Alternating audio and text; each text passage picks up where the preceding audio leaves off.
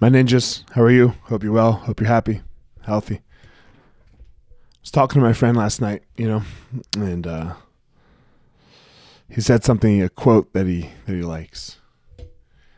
Fear is the cheapest room in the house. And I was thinking about, it, I was like, God damn it, he's right.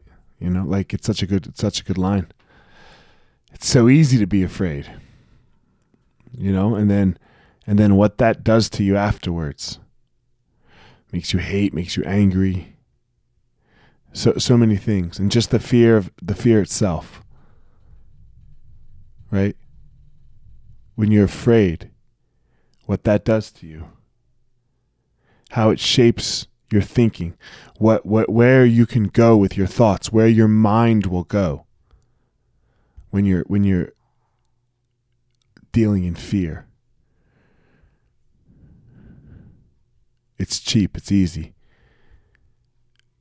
There's no there's no rational thinking that you have to do. There's no considering uh, another person's perspective. There's no assuming good intent. Fuck, that's so hard, right? When you're assuming the good intent of somebody else. It's so much easier to, to assume bad intent, to assume they want to hurt you and harm you, take everything away from you. It's cheap. It's easy. Courage is much harder. Looking at the fear and saying, fuck off. Not today. It's so much harder.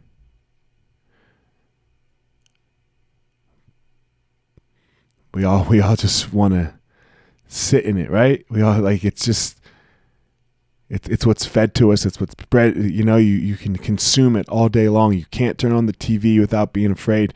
You can't listen to the news without being made afraid. You can't do anything. Like, it's so easy to be made afraid. It's so much work to not buy into that bullshit, to not let your brain, your mind just go off on its own. It's so hard. That's why you gotta fucking know the fear, look the fear in the face, and say, Not today, motherfucker. Find your power.